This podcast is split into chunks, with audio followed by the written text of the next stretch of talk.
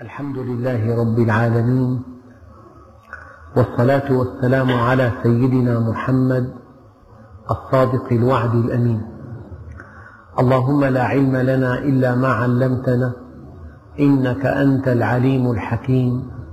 اللهم علمنا ما ينفعنا وانفعنا بما علمتنا وزدنا علما وأرنا الحق حقا وارزقنا اتباعه. وأرنا الباطل باطلا وارزقنا اجتنابه. واجعلنا ممن يستمعون القول فيتبعون أحسنه وأدخلنا برحمتك في عبادك الصالحين. أيها الإخوة المؤمنون مع الدرس الخامس والخمسين من دروس سورة البقرة ومع الآية الثامنة والستين بعد المئة وهي قوله تعالى يا أيها الناس كلوا مما في الأرض حلالا طيبا ولا تتبعوا خطوات الشيطان إنه لكم عدو مبين. أيها الإخوة الكرام من رحمة الله بخلقه كلهم خاطب الناس جميعا. وقد ذكرت لكم في درس سابق أن الله جل جلاله يخاطب المؤمنين تارة ويخاطب الناس تارة أخرى. يخاطب المؤمنين بتفاصيل الشريعة ويخاطب الناس بأصول الشريعة بأصول الدين. ولكن قضية الحلال والحرام هذه قضية من شأن الله عز وجل لأنه هو الخالق. فالإنسان حينما يحكم عقله فيما يفعل وفيما لا يفعل يضل ضلالا مبينا. ذلك أن الإنسان قد ينظر إلى الشيء من زاوية واحدة ضيقة وتغيب عنه الزوايا الأخرى. لما لا يأكل لحم الخنزير؟ هناك ميزات كثيرة ينمو سريعا. يذكر الذين يأكلونه ميزات كثيرة. وإذا قلت لهم إن الله حرمه. ماذا يقولون؟ لماذا خلقه الله؟ هل كل شيء خلقه الله لتأكله؟ هل كل شيء تشتريه أنت إلى البيت يؤكل؟ عندك مبيد أيام حشرات هل تشربه؟ مستحيل. فكل حيوان له مهمة أناطها الله به.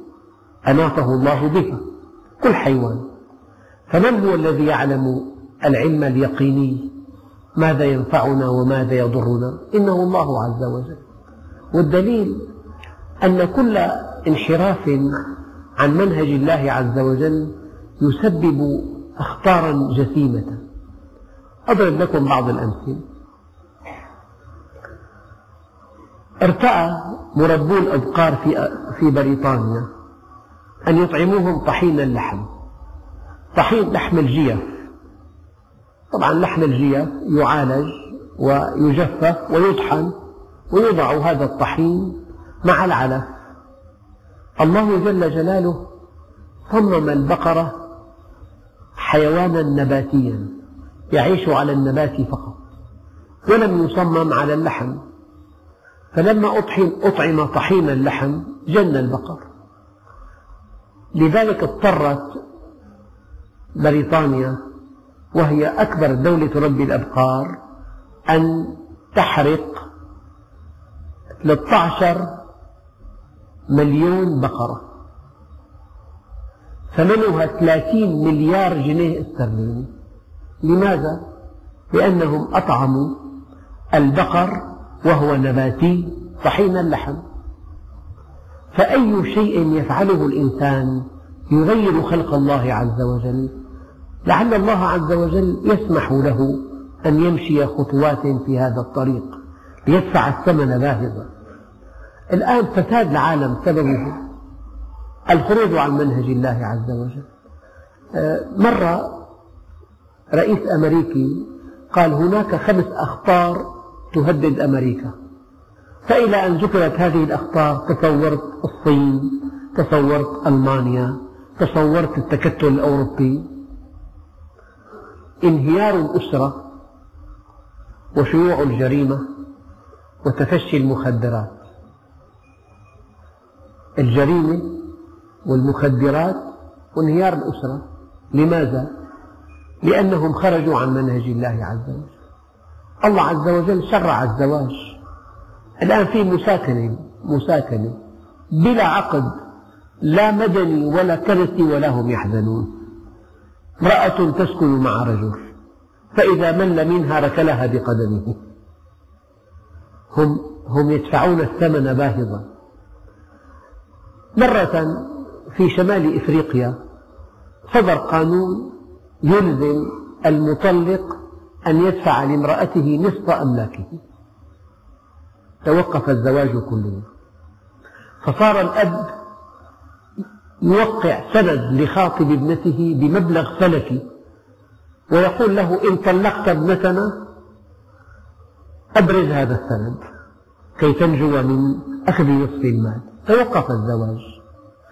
في الصين ارتأوا أن يكون للأسرة ولد واحد قسرا. ما الذي حصل؟ تأتي البنت فتخنق. يأتي الذكر فيسجل. الآن الصين فيها خمسين مليون شاب بلا زوجة الآن نشأ عصابات لخطف الفتيات في سن الزواج. لما الإنسان بشرع يرتكب حماقة كبيرة لأنه ينظر إلى الشيء من زاوية واحدة من زاوية واحدة. أما خالق الكون هو الخبير قال تعالى ولا ينبئك مثل خبير.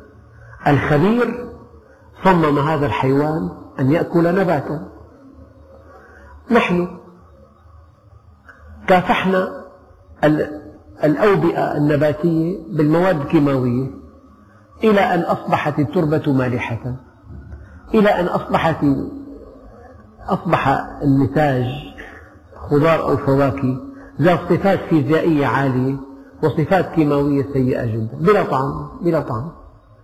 الآن عادوا إلى السماد الطبيعي وعادوا إلى المكافحة الحيوية.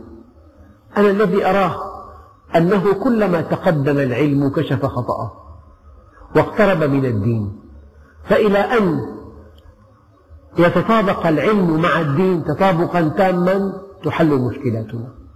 أما ما دام الإنسان يتوهم أنه مشرع يحلل ويحرم فالطريق لا زال أمام حل مشكلاته مسدودا. هناك دراسة تؤكد أن الإنسان يتطبع ببعض طباع الحيوان الذي يأكله. والذين يأكلون لحم الخنزير لهم عادات غريبة جدا كأن الغيرة, الغيرة نزعت منهم انتزاعا. فالله عز وجل حرمه. لكن كلما ازداد إيمانك يزداد يقينك أن الذي حرمه ضار بنا. ذكرت لكم مرة أن نقاشا جرى بين عالم من دمشق أو من مصر وبين إنسان أمريكي أسلم حديثا. فانطرح موضوع لحم الخنزير فبدأ العالم المصري يحدث زميله عن أخطار هذا اللحم وعن الدودة الشريطية وعن تطبع الإنسان بطباع الخنزير وعن وعن فما كان من هذا المسلم الأمريكي إلا أن قال يا أستاذ يا دكتور كان يكفيك أن تقول لي إن الله حرمه. فقط تكفيني هذه. إذا الخبير قال لك هذا حرام. فقضية إيمان كلما ازداد إيمانك بالله يزداد تعظيمك لأمره ونهيه وكلما ازداد إجلالك لله يزداد إجلالك لأمره ونهيه. ولكن من ضعف الإيمان نضع قضايا التشريع على بساط البحث مع أن المؤمن الصادق ما كان لمؤمن ولا مؤمنة إذا قضى الله ورسوله أمرا أن يكون لهم الخيرة من أمرهم. فأول إشارة في هذه الآية الله عز وجل رحيم بخلقه جميعا. مؤمنهم وكافرهم مهتديهم وضالهم. رحيم بخلقه جميعا. فيا أيها الناس يا أيها الإنسان من أجل مصلحتك من أجل سلامتك من أجل سعادتك افعل ما أحللت وانتهي عما عنه نهيت. يا أيها الناس كلوا مما في الأرض حلالا طيبا. الحلال الطيب الطيب هو الذي تطيب به النفس. الله عز وجل خلق كل شيء على صفة كاملة. فكل كل إنسان منحرف يفسد طبيعة هذا الشيء. فخلق المرأة زوجة. وأما وأختا وبنتا. ما في بالقاموس عشيقة. لأنك تنتهنها. لأنك تقطف جمالها ثم تلقيها في قارعة الطريق.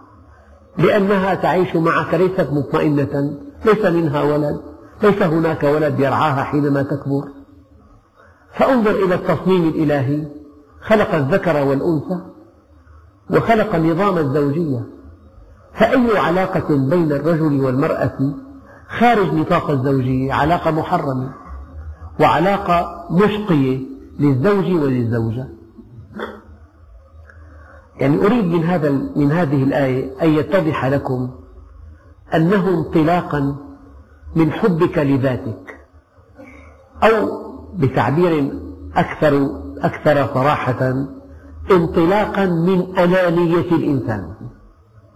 يجب أن يطيع الرحمن لأن كل طاعته لمصلحته. يا أيها الناس يا من آمنتم بي ويا من لم تؤمنوا بي. خالق الكون يقول لكم كلوا مما في الأرض حلالا طيبا. يعني الخمرة الآن في حقيقة أن العالم الشرقي والغربي مع بعده عن الدين ومع إنكاره للأديان ومع كفره بالواحد الديان يعود إلى أحكام الدين لا على أنها دين ولكن على أنها نظام ناجح. نظام ناجح. فالاتحاد السوفيتي قبل أن ينهار حرم الخمر. قبل انهياره بعدة سنوات فيما أذكر حرم الخمر في كل البلاد طولها وعرضها. لماذا؟ لأنه حسبوا الخسارة التي يدفعها الاتحاد السوفيتي من جراء الخمر أرقام فلكية. يعني ما في إنتاج ضعف في الإنتاج تشتت في الأسرة ضياع في, في الأموال حرم الخمر. والذي يحصل أن كلا كلا الجهتين شرقا وغربا يعودون إلى الدين لا على أنه دين بل على أنه نظام دقيق. هل تصدقون أن في أمريكا بعض الجامعات خاصة للطلاب وبعضها خاصة للطالبات؟ في بلاد تجبر الوالدة على تطهير ولده. على الختان مع أنه سنة إسلامية نبوية. حينما يكتشف أن سرطان عنق الرحم يكاد يخلو من البلاد الإسلامية بسبب الختان. وحينما يكتشف أن هناك أمراضا علاجها بحركات الصلاة مرض انقلاب الرحم علاجه بحركات كالصلاة تماما. خالق الكون أمرك أن تصلي. خالق الكون أمرك أن تصوم. خالق الكون أمرك أن تحج أن تغض البصر. الاكسكاريل هذا مؤلف ألف كتاب شهير الإنسان ذلك المجهول اكتشف لا من خلال النص الشرعي بل من خلال التجربة والتأمل والتحقق أن خير نظام للبشرية أن يقصر الرجل طرفه على زوجة واحدة يعني غض البصر. فحينما تكتشف ولكن بعد فوات الأوان أن غض البصر أحد أسباب السعادة الزوجية وأن الأكل المعتدل أحد أسباب الصحة وأن التقيد بما أحل الله وترك ما حرم الله أحد أسباب السلامة. الإنسان عندئذ يرى أن هذا الدين لصالحه أيها الإخوة لا بد من أن نفهم الأوامر والنواهي على أنها ضمان لسلامتنا وليست حدا لحريتنا. لا بد من أن نفهم أوامر الدين على أنها ضمان لسلامتنا وليست حد لحريتنا. يعني أنت في الطريق حينما ترى لوحة كتب عليها حقل ألغام ممنوع الاقتراب. هل تحقد على من وضع هذه اللوحة؟ أبدا. يمتلئ قلبك امتنانا منه لأنه أراد سلامتك. هنا حقل ألغام لا تقترب. فحينما تفهم أوامر الدين على أنها ضمان لسلامتك وليست حدا لحريتك عندئذ أنت قد فقدت أوامر الله عز وجل. فيا أيها الإخوة الكرام يا أيها الناس كلوا مما في الأرض حلالا طيبا. يعني الخنزير ماذا يأكل؟ يأكل الجرذان يأكل الجيف.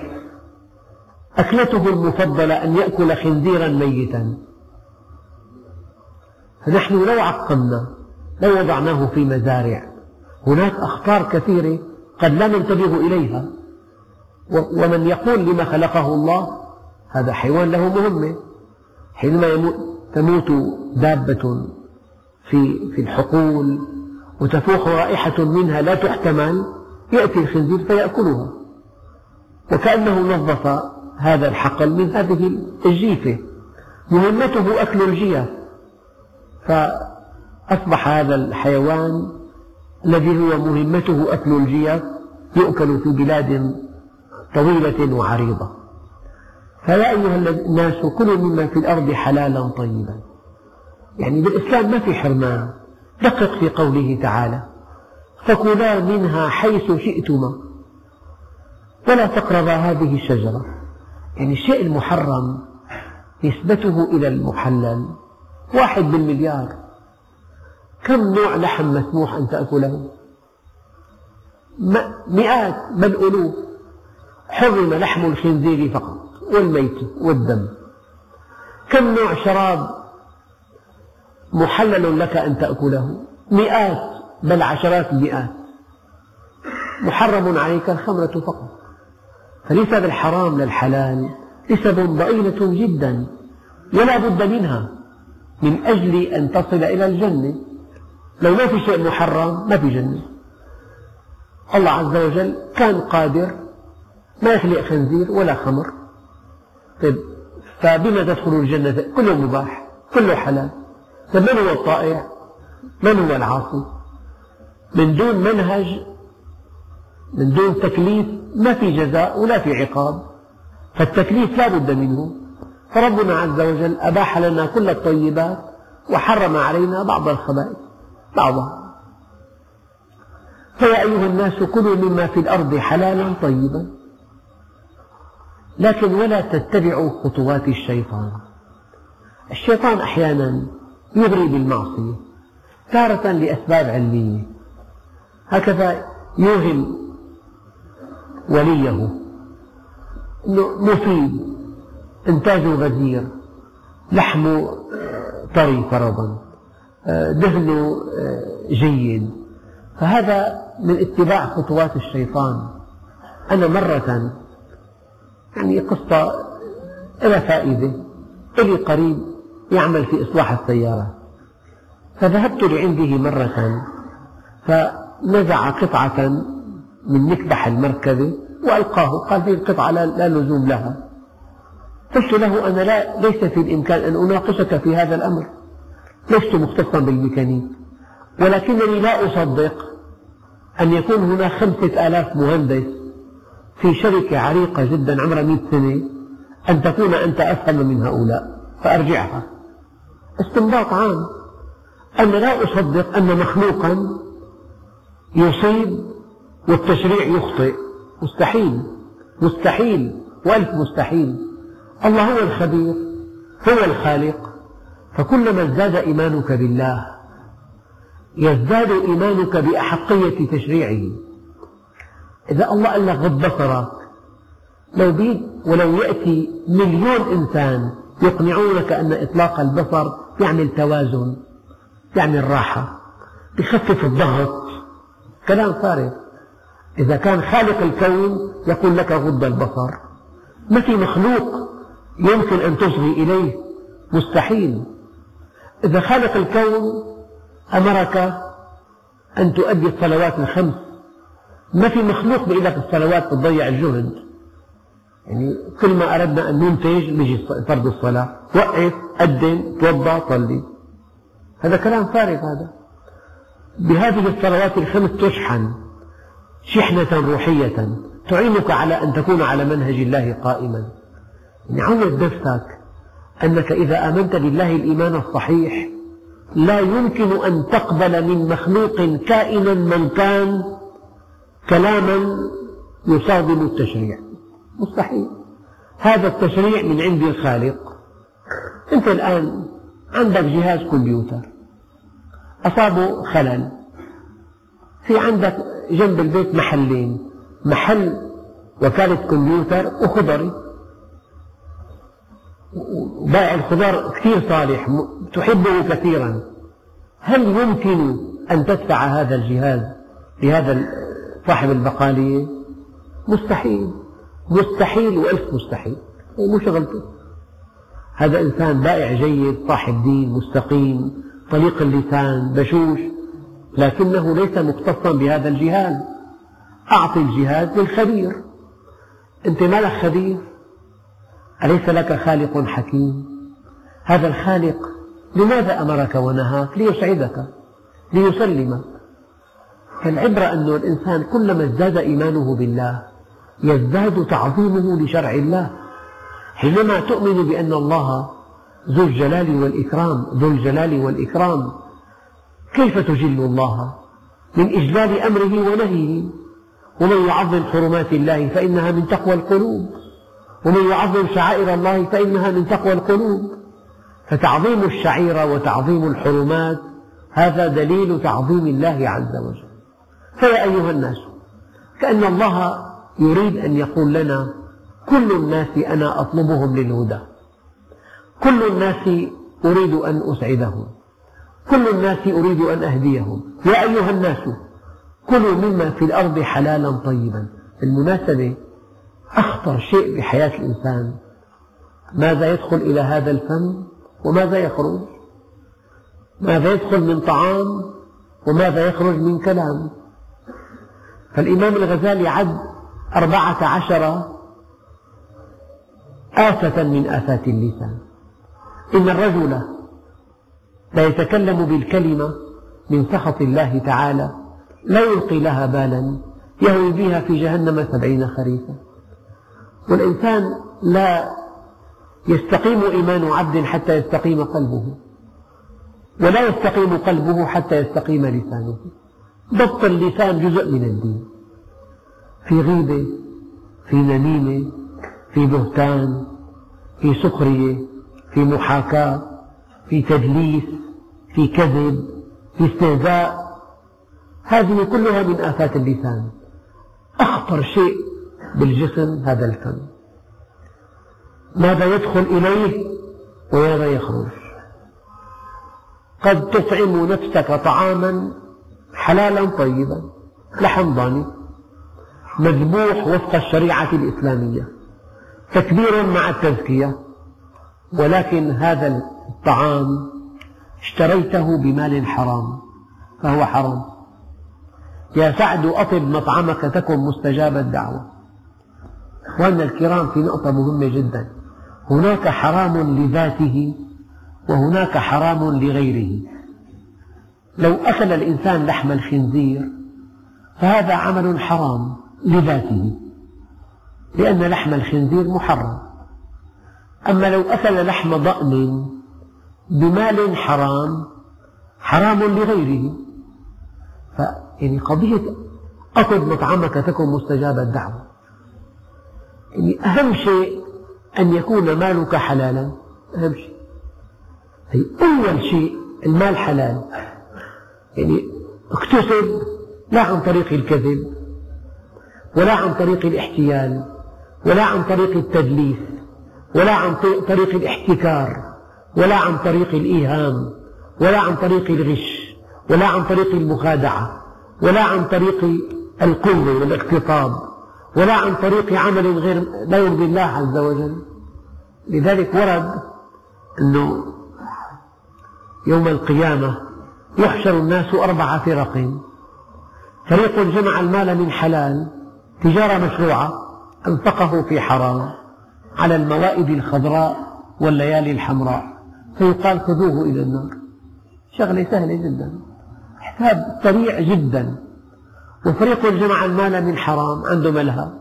أنفقه في حلال تزوج اشترى بيت. فيقال خذوه إلى النار. طبعا من باب أولى فريق جمع المال من حرام وأنفقه في حرام. هذا إسعاف. أما الذي جمع المال من حلال وأنفقه في حلال هذا يحاسب. قفوه فاسألوه. هل تاه بماله على عباد الله؟ هل ضيع فرض صلاة وهو منشغل بماله؟ هل قال من حوله يا رب لقد أغنيته بين أظهرنا فقصر في حقنا؟ فيقول عليه الصلاة والسلام وما زال يسأل ويسأل. فقضية أن تأكل طعاما بمال حلال. قضية خطيرة جدا. يا سعد أطب مطعمك تكن مستجاب الدعوة. العبد يقول يا رب يا رب ومطعمه حرام ومشربه حرام وغذي بالحرام فأنا يستجاب له. يعني أنت ممكن تصلح جهاز بني على فساد إفساد الأخلاق. لك الشغل عبادة. من قال هذا؟ أي عمل عبادة؟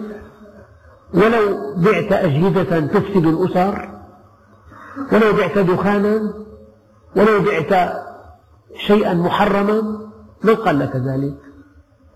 يعني أخطر شيء بحياة المؤمن زوجته وعمله لأنهما أصدق شيء به. فالمؤمن الموفق يختار زوجة صالحة وعملا طيبا مشروعا. وإذا أردت أن تعرف مقامك فانظر فيما استعملك. يعني هون كلوا مما في الأرض حلالا لها معنيان. أن تأكل شيئا أباحه الله لك حلال لذاته وأن تأكل شيئا حلالا دفعت ثمنه من مالك الحلال. طيب. لا يكفي أن تأكل تفاح. التفاح ليس هناك من يحرمه إطلاقا. أما إذا اشتريت التفاح بمال حرام فمحرم أن تأكله. فالحلال ما كان حلالا لذاته وحلالا لغيره والحرام ما كان حراما لذاته وحراما لغيره. ولعل كلمة حرام أنها تحرم الإنسان من سعادته في الدنيا والآخرة. لعل كلمة حرام أنها تحرم الإنسان من السعادة في الدنيا والآخرة. ولعل كلمة حلال الطيب أن النفس تحلو به وتطيب يا أيها الناس كلوا مما في الأرض حلالا طيبا ولا تتبعوا خطوات الشيطان. كلام دقيق. يقول لك مثلا الشغل حلال الشغل عبادة. العمل قائم؟ دار نشر تطبع كتب فيها الإلحاد فيها تزوير الحقائق. أخي أنا دار نشر ما لي علاقة. هذا الكتاب طبعته أنت وروجته أنت وبعته أنت وأفسد عقائد الناس. كيف ما لك علاقة أنا عم أجر بيت عم تأجره الليلة عشرة آلاف. وأفخم فندق خمسة آلاف الليلة. أنا في مشكلة. مو قضية ناس نايمين فقط. قضية ثانية هالدار دعارة صار لي أنا ما لي علاقة لا لك علاقة. فقضية الإنسان يتحرى الحلال. في دخله وفي طعامه وفي شرابه والله لا أبالغ. لعله أربعة أخماس الدين. أربعة أخماس الدين أن يكون مالك حلالا وطعامك حلالا. والله زرت رجل والد صديقي قال لي أنا عمري ستة وتسعين سنة. أجرينا فحصا كاملا شاملا للدم والبول. قال لي الحمد لله كله طبيعي. ستة وتسعين سنة كل فحوص الدم صحيحة طبيعية. كل فحوص البول طبيعية. قال لي والله ما لي آكل قرش حرام بحياتي. بحياتي. والله رجل دخل إلى بيتي زائرا قال لي كم تقدر عمري؟ قلت له يعني ستين. قال لي ستة وسبعين. قال لي والله كالحصان بإمكاني أن أهد هذا الحائط ولا أشكو شيئا وبيناتنا لا يعتني بصحته إطلاقا إطلاقا. قال لي أنا عملت في سلك معين والسلك كثير دقيق وفي مزالق خطيرة جدا. عملت في هذا السلك أربعين عاما ولم آكل ليرة واحدة حرام. قال لي أصبت يعني بإصابة كبيرة جدا قد تودي بحياتي. قلت لربي وأنا مضطجع على طاولة العمليات يا رب أنا إن آذيت لك عبدا من عبيدك واحدا فأمتني وإلا ف يعني عالجني يا رب. قال لي الله أنقذني. قضية ما دخلك حلال شيء مهم جدا أن يكون مالك حلالا وأن تشتري به طعاما حلالا. المال حلال والطعام حلال. يا سعد أطب مطعمك تكن مستجاب الدعوة. يعني رجل كان يعلم فتح مدرسة شرعية كان يعلم الطلاب بدأ التعليم بالثامنة عشرة من عمره واستمر حتى الثامنة والتسعين. علم ثمانين عاما. وكان من عادته أنه إذا رأى أحد طلابه في الطريق يقول له يا بني أنت أنت طالبي يقول له نعم يا سيدي. وكان أبوك طالب. يقول له نعم. وكان جدك طالبا الأب والابن والجد طلاب هذا الإنسان. علم الثانين سنة. والذي وصفه تماما أنه كان منتصب القامة. بصره حاد. سمعه مرهف أسنانه في فمه. يا سيدي ما هذه الصحة؟ يقول يا بني حفظناها في الصغر. فحفظها الله علينا في الكبر. من عاش تقيا عاش قويا. يا أخواننا كل شيء بثمنه. أطب مطعمك تكن مستجاب الدعوة. أطب مطعمك تعش حياة هادئة طيبة مباركة. الحلال القليل ولحكمة بالغة بالغة بالغة. جعل الله الحلال صعبا والحرام سهلا. طبعا كمثل حاد جدا. الآن في صرعة بأمريكا أن الإنسان يضع آلة تصوير في غرفة نومه ويعرض نفسه على الإنترنت. دخله بالسنة مليونين دولار. مليونين دولار. هلا التهريب بالحشيش كثير غالي. مثلا إذا كان بدك تلغي القيم فيه دخول كبيرة جدا. أما الحرام سهل. وفير. الأفتاح ملها زباين ليل ونهار والله قال لي شخص رقم فلكي أرباحه. الشيء المشروع صعب. ودخله قليل. هذه حكمة الله أرادها. أراد أن يكون الحلال صعبا. والحرام سهلا. لو أن الأمر معكوس ما الذي يحصل لو كان الحرام سهل الحرام صعب والحلال سهل لأقبل الناس جميعا على الحلال لا حبا بالحلال ولا طاعة للرحمن ولا خوفا من النيران أبدا لأنه سهل. لكن ربنا عز وجل فرز الناس. جعل الإنسان تخدم بالبيوت ثمان ساعات ب 300 ريال أما المومة تأخذها في خمس دقائق تأخذ خمس آلاف في خمس دقائق. فرق كبير جدا. لذلك الحلال صعب والحرام سهل. ممكن تشتغل سنة تشتري بضاعة وتبيع البضاعة وتجمع ثمن بضاعة وديون تربح ما يغطي نفقاتها وفي طرائق أخرى غير مشروعة للكسب ملايين مملينة بأشهر تأخذها. فلحكمة بالغة بالغة بالغة. جعل الله الحلال صعبا. وسام شرف والحلال والحرام سهلا والحلال صعبا. فإذا واحد اختار الطريق الصعب هذا وسام شرف له. ليفتخر لا يقول رفيقي صار مليونير بسنتين إذا كان فقط في المعصية لا كانت ولا كانت هذه الثروة. أما أنت مقيم, مقيم على أمر الله عز وجل. فيا أيها الناس كلوا مما في الأرض حلالا طيبا. سبحان الله الحلال في معه سعادة. أما الحرام في معه لذة آنية تنتهي بكآبة لذة متناقصة تنتهي بكآبة الإنسان يكون دخله كله حلال بيته متواضع.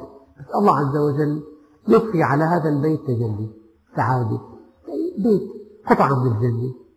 صغير فرشه متواضع. الأكل درجة خامسة الثياب قد تكون يعني درجة عاشرة بس في استقامة في أمر الأمر الإلهي مطبق في هذا البيت.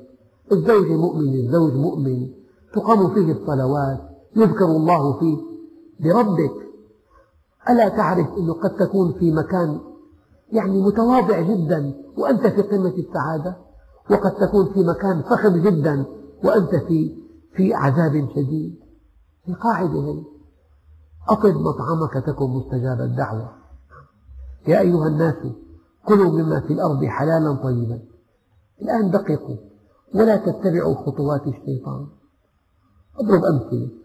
أنت عندك عيال يعني يغش الناس يعني يرتشي يعني يسرق عندك عيال يعني إذا استقمت الله ما بيرزقك. الله يرزق بس المنحرف. لأنك خفت منه واستقمت بتعيش لحال هيك ظنك بالله عز وجل. والله والله والله. زوال الكون أهون على الله من أن تخاف منه ويضيعك. أنت خايف منه. هي حرام ما بدي إياها. هي فيها شبهة ما بدي إياها. هي ما بترضي الله. تصور الناس واللي ما سأل ولا رد ولا اتعظ هو الغني. هكذا ظنك بالله؟ أم حسب الذين اشترحوا السيئات أن نجعلهم كالذين آمنوا وعملوا الصالحات؟ سواء محياهم ومماتهم ساء ما يحكمون. وقالوا إن نتبع الهدى معك نتخطف من أرضنا. هكذا. هذا شيء يطرح كل يوم. إذا ما عملت هيك موت من الجوع. لا كذب لك. غشت وكذب ودلس أخي أنا إذا ما بكذب ما بعيش كمحامي. من قال لك ذلك؟ محامي مؤمن لا يتسلم إلا القضية اللي فيها ظلم ويدافع عن عن الظلم يدافع عن عن المظلوم. والله عز وجل يخذله مستحيل. ففي صار منطق منطق الأحداث غريب جدا. لازم تعصي الله. بيقول لك أنه أنا عندك أولاد. أو بيقول لك حط رأسك بين الروس قول يا روس مثلك مثل الناس كلها. الناس كلها إذا كان كانوا منحرفين تنجو أنت منهم. إذا الناس كلها انحرفوا. يعني أنت خلصت لا ما بتخلص. هي خطوات شيطان. أو أنه فلان ما فلان له معك مبلغ غني. ما له بحاجة. من قال لك ذلك؟ الغنى والفقر ما له علاقة بالحقوق. أبي الذي عليك ولو كان غني. يعني قصدي أنه هون بهالكلمة في آلاف الوساوس التي يلقيها الشيطان على الإنسان كي يعصي الله. ولا تتبعوا خطوات الشيطان. يعني فتكسبوا مالا حراما. ولا تتبعوا خطوات الشيطان. أخي واحد بعت بيعة. جاءك بعد دقائق أنه والله ندم ممكن يرجعها؟ ما في. تخسر ألف ليرة. بما تأكل هذا المال فما فكر بغلافة.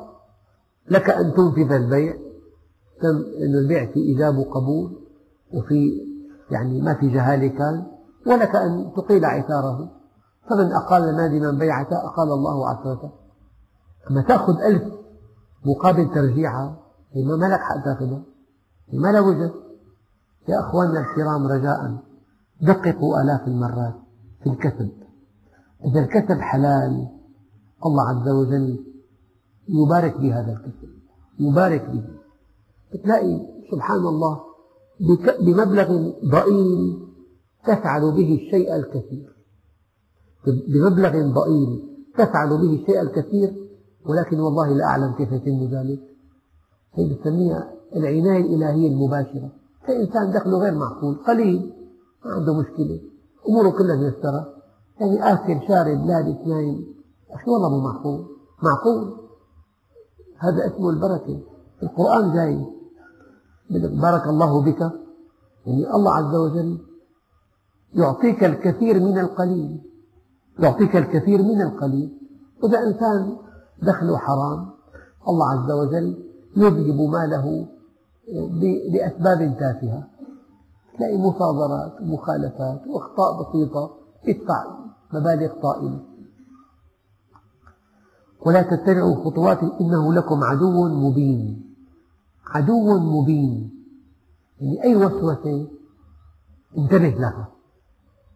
حدثني أحد أخواننا الدعاة. كان له والد صالح جدا. لو أنه قال له يا بني إذا حدثتك نفسك بعمل صالح أو بإنفاق ثم جاء الشيطان فقال لك لا تنفق عاقبه. قال له كيف عاقبه؟ ادفع الضعف. ادفع الضعف عاقبه. المؤمن الصادق دائما عنده حساسية من الشيطان. هذا الخاطر شيطاني. هالتبرير شيطاني. هالتعليل شيطاني. هالتزيين شيطاني. يعني كثير في أشخاص يستجيب للشيطان. إنما يأمركم بالسوء والفحشاء. يأمركم بشيء يسوءكم. ويأمركم بشيء يفضحكم. يأمركم بشيء يسوءكم وشيء يفضحكم. وأن تقولوا على الله ما لا تعلمون. في إن أخ عنده محل عين موظف عريس جديد له زوجة دنيوية مادية ضغطت عليه الراتب ما بيكفي. فصار يبيع يحط في جيبه. لا شغلة سهلة. يجي المعلم الساعة 11 بعد بيعتين ثلاثة خمسمية ستمية يحطهم بجيبه يلاقي في نقص بالبضاعة في خلل بالمحل. فهذا الأخ كلف شخص صديقه يجي على المحل الساعة عشرة ويشتري حاجة بألف ليرة. إجا الساعة 11 يا فلان هل أتى أحد؟ أبدا بعت؟ لا ما بعت اتفق معه يرجع الساعة 12 يرجع الحاجة. قال له بدي رجعها إمتى أخذتها؟ له اليوم الساعة 9 شو الحكي؟ ما ما أخذت شيء؟ ما بعت شيء؟ انتهى. طرده من عمله. ما خلى واسطة. بلا عمل صفر ماذا قال له الشيطان؟ لا علمك مو دريان. وما عنده جلد دقيق. وأنت بحاجة. هو حالته المادية جيدة. الله فضحه. يعني دقق في القصص. بتلاقي إنسان بمد يده الحرام بيتدمر. إلى حين بظن حاله ذكي إلى حين. يزور بضيف صفر بقيم صفر يدبر حاله. بيجمع ثروات طائلة بعدين يبطش به؟ يلقى في السجن. يعذب. وين المال؟ دائما الشيطان يأمر الإنسان بعمل يسوءه أو يفضحه. إنما يأمركم.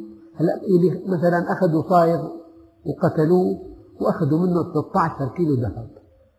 يمكن بالقلمون. بعد أيام عدة أعدموا جميعا. طيب وين المال؟ المال استرد أنا أعطيكم حالات حادة. في حالات أخف. فكل إنسان يستجيب للشيطان الله عز وجل يدفع الثمن باهظ. إنما يأمركم بالسوء ما يسوءكم والفحشاء ما يفضحكم وأن تقولوا على الله ما لا تعلمون. لا تدقق الله ما حيحاسبك إلا كلام النبي اشتفع له يعني اخترعوا هذه الشفاعة الشفاعة حق يا أخوانا بس الشفاعة لها شروط ولها تعاريف دقيقة ولها خصائص. أما يفهمونها فهما ساذجا فهم سخيف جدا. يعني ادخلوا أنت وياه وخلصونا بقى فوتوا على الجنة. يعني مهما فعل من كبائر يدخل على الجنة بشفاعة النبي. مع أن الله عز وجل يقول أفمن حقت عليه كلمة العذاب أفأنت تنقذ من في النار؟ مستحيل. يا فاطمة بنت محمد يا عباس عم رسول الله أنقذا نفسيكما من النار؟ أنا لا أغني عنكما من الله شيئا. لا يأتيني الناس بأعمالهم وتأتوني بأنسابكم من يبطئ به عمله لن يسرع به نسبه.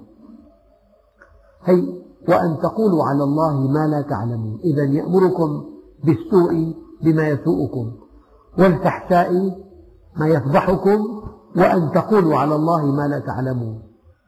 أخواننا الكرام أريد أن أؤكد لكم أن الشيطان يدخل على بني آدم أو على المؤمن من باب كسب رزقه.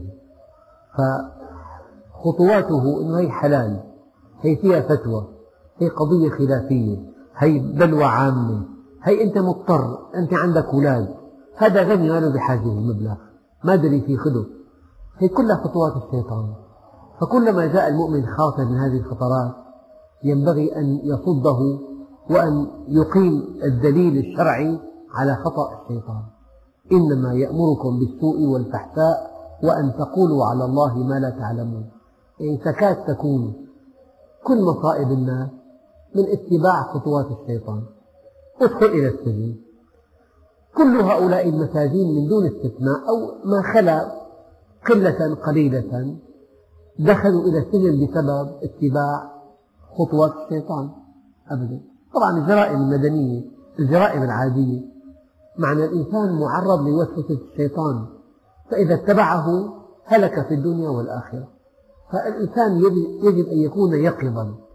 فأي خاطر يتناقض مع الكتاب والسنة يتناقض مع منهج الله ينبغي أن يرفضه وأن يكون دقيقا يقظا والمؤمن كيس فطن حذر. ثم يقول الله عز وجل وإذا قيل لهم اتبعوا ما أنزل الله قالوا بل نتبع ما ألفينا عليه آباءنا. أولو كان آباؤهم لا يعقلون شيئا ولا يهتدون. الإنسان مبرمج يقلد بس مبرمج يقلد في فترة من حياته محدودة. الطفل الصغير يقلد أباه في مأكله ومشربه ومطعمه. حتى أكثر أولاد المؤمنين إذا قام الأب ليصلي يصلي جنبه. هكذا فطر الإنسان والتقليد لصالح الإنسان. لكن بعد مرحلة معينة ينتهي التقليد. لا بد من التحقيق. لذلك العقيدة الصحيحة إن كانت تقليدا لا تقبل. لا تقبل. إلا إن كانت تحقيقا. فالتقليد مرحلة من مراحل تربية الإنسان. لكن بعد حين أما الذي يحصل أنه الأبناء يقل... هؤلاء الأتباع يقلدون المتبوعين فيما يحلو لهم. لك هكذا نشأت أنا. طيب كم إنسان نشأ في بيئة غير متعلمة وأخذ دكتوراه؟ لماذا لم يقبل بوضع أهله؟ كم إنسان نشأ في بيئة فقيرة صار مليونير؟ لماذا هذا الشاب رفض واقع أهله؟ إذا هو لا يقلد. هو في الحقيقة يخط, يخط لنفسه منهجا يراه صحيحا. أما حينما يدعي أنه يقلد أعجبه سلوك آبائه المنحرفين فقلده قال نتبع ما ألفينا عليه آباءنا. فأنت هذا الكلام فيه كذب. أنت في أمور دنياك لا تقلد. كم إنسان خرج عن نمط أسرته وعن بيئته واختط لنفسه خطا آخر لأنه بحقق مصالحه أما حينما يدعي أنه يتبع آباءه هو لأنه ألف هذه المعاصي وراقت له فادعى أنه يتبع آباءه. وإذا قيل لهم اتبعوا ما أنزل الله قالوا بل نتبع ما ألفينا عليه آباءنا لأن ما أنزل الله في قيود. قيود لشهواتهم هم يحبون التحرر من هذه القيود فيدعون أنهم يتبعون ما ألفينا عليه آباءنا أولو كان آباؤهم لا يعقلون شيئا ولا يهتدون والحمد لله رب العالمين. بسم الله الرحمن الرحيم. الحمد لله رب العالمين والصلاة والسلام على سيدنا محمد صادق الوعد الأمين. اللهم أعطنا ولا تحرمنا أكرمنا ولا تهنا آثرنا ولا تؤثر علينا أرضنا وارض عنا. وصلى الله على سيدنا محمد النبي الأمي وعلى آله وصحبه وسلم. يقول السائل كيف نميز بين خطوات الشيطان وخطوات الرحمن؟ خطوات الرحمن إلى الجنة وخطوات الشيطان إلى النار إلى المعصية إلى أكل المال الحرام. إلى كل عمل يحجبك عن الله عز وجل. طبعا. تبارك الله أحسن الخالقين. يعني الله عز وجل سمح لذاته العلية أن يوازنها مع مخلوقاته في حالات قليلة جدا. منها هذه الآية. الإنسان صنع مثلا كلية صناعية. حجمها كبير وصوتها عالي. وبدها تتجمد معها ثمان ساعات. أما الكلمة الطبيعية حجمها كالبيضة بلا صوت بلا تعطيل أعمال بلا جهد بتصفية كاملة. فلو وازنت بين الكلية الصناعية والطبيعية لرأيت بونا شاسعا. لو وازنت بين العين وآلة التصوير لرأيت بونا شاسعا. فربنا عز وجل لفت نظرنا إلى أن هذا الإنسان ولنسمه تجوزا أنه خالق. انظر إلى صنعته وازن بينها وبين صنعة الله عز وجل. هذا وردة صناعية بلاستيك. وازنها مع وردة طبيعية الفرق واضح جدا صارخ الفرق. أيام بيساووا بالمحلات مجسم امرأة. بين امرأة فيها حياة وفيها دم وفيها عصب وفيها جلد وفيها روح. وبين امرأة من شماء مسافة كبيرة جدا. وقف على هذا كل شيء. تبارك الله أحسن الخالقين. أخواننا الكرام نزول الرجل على زوجته بالقبر ما في مشكلة أبدا. ما في أي, أي حكم شرعي يمنع ذلك. الحكم الشرعي بنسخ البرامج فكة. الحقيقة أنه في بالإسلام ملكية أدبية ملكية الاختراعات واردة بالإسلام. فإذا كان يعني البرنامج متعوب عليه مبذول جهد كبير جدا ولا سيما إذا كانوا مسلمين. فلا يجوز أن تفك هذا البرنامج. نعم. والحمد لله رب العالمين الفاتحة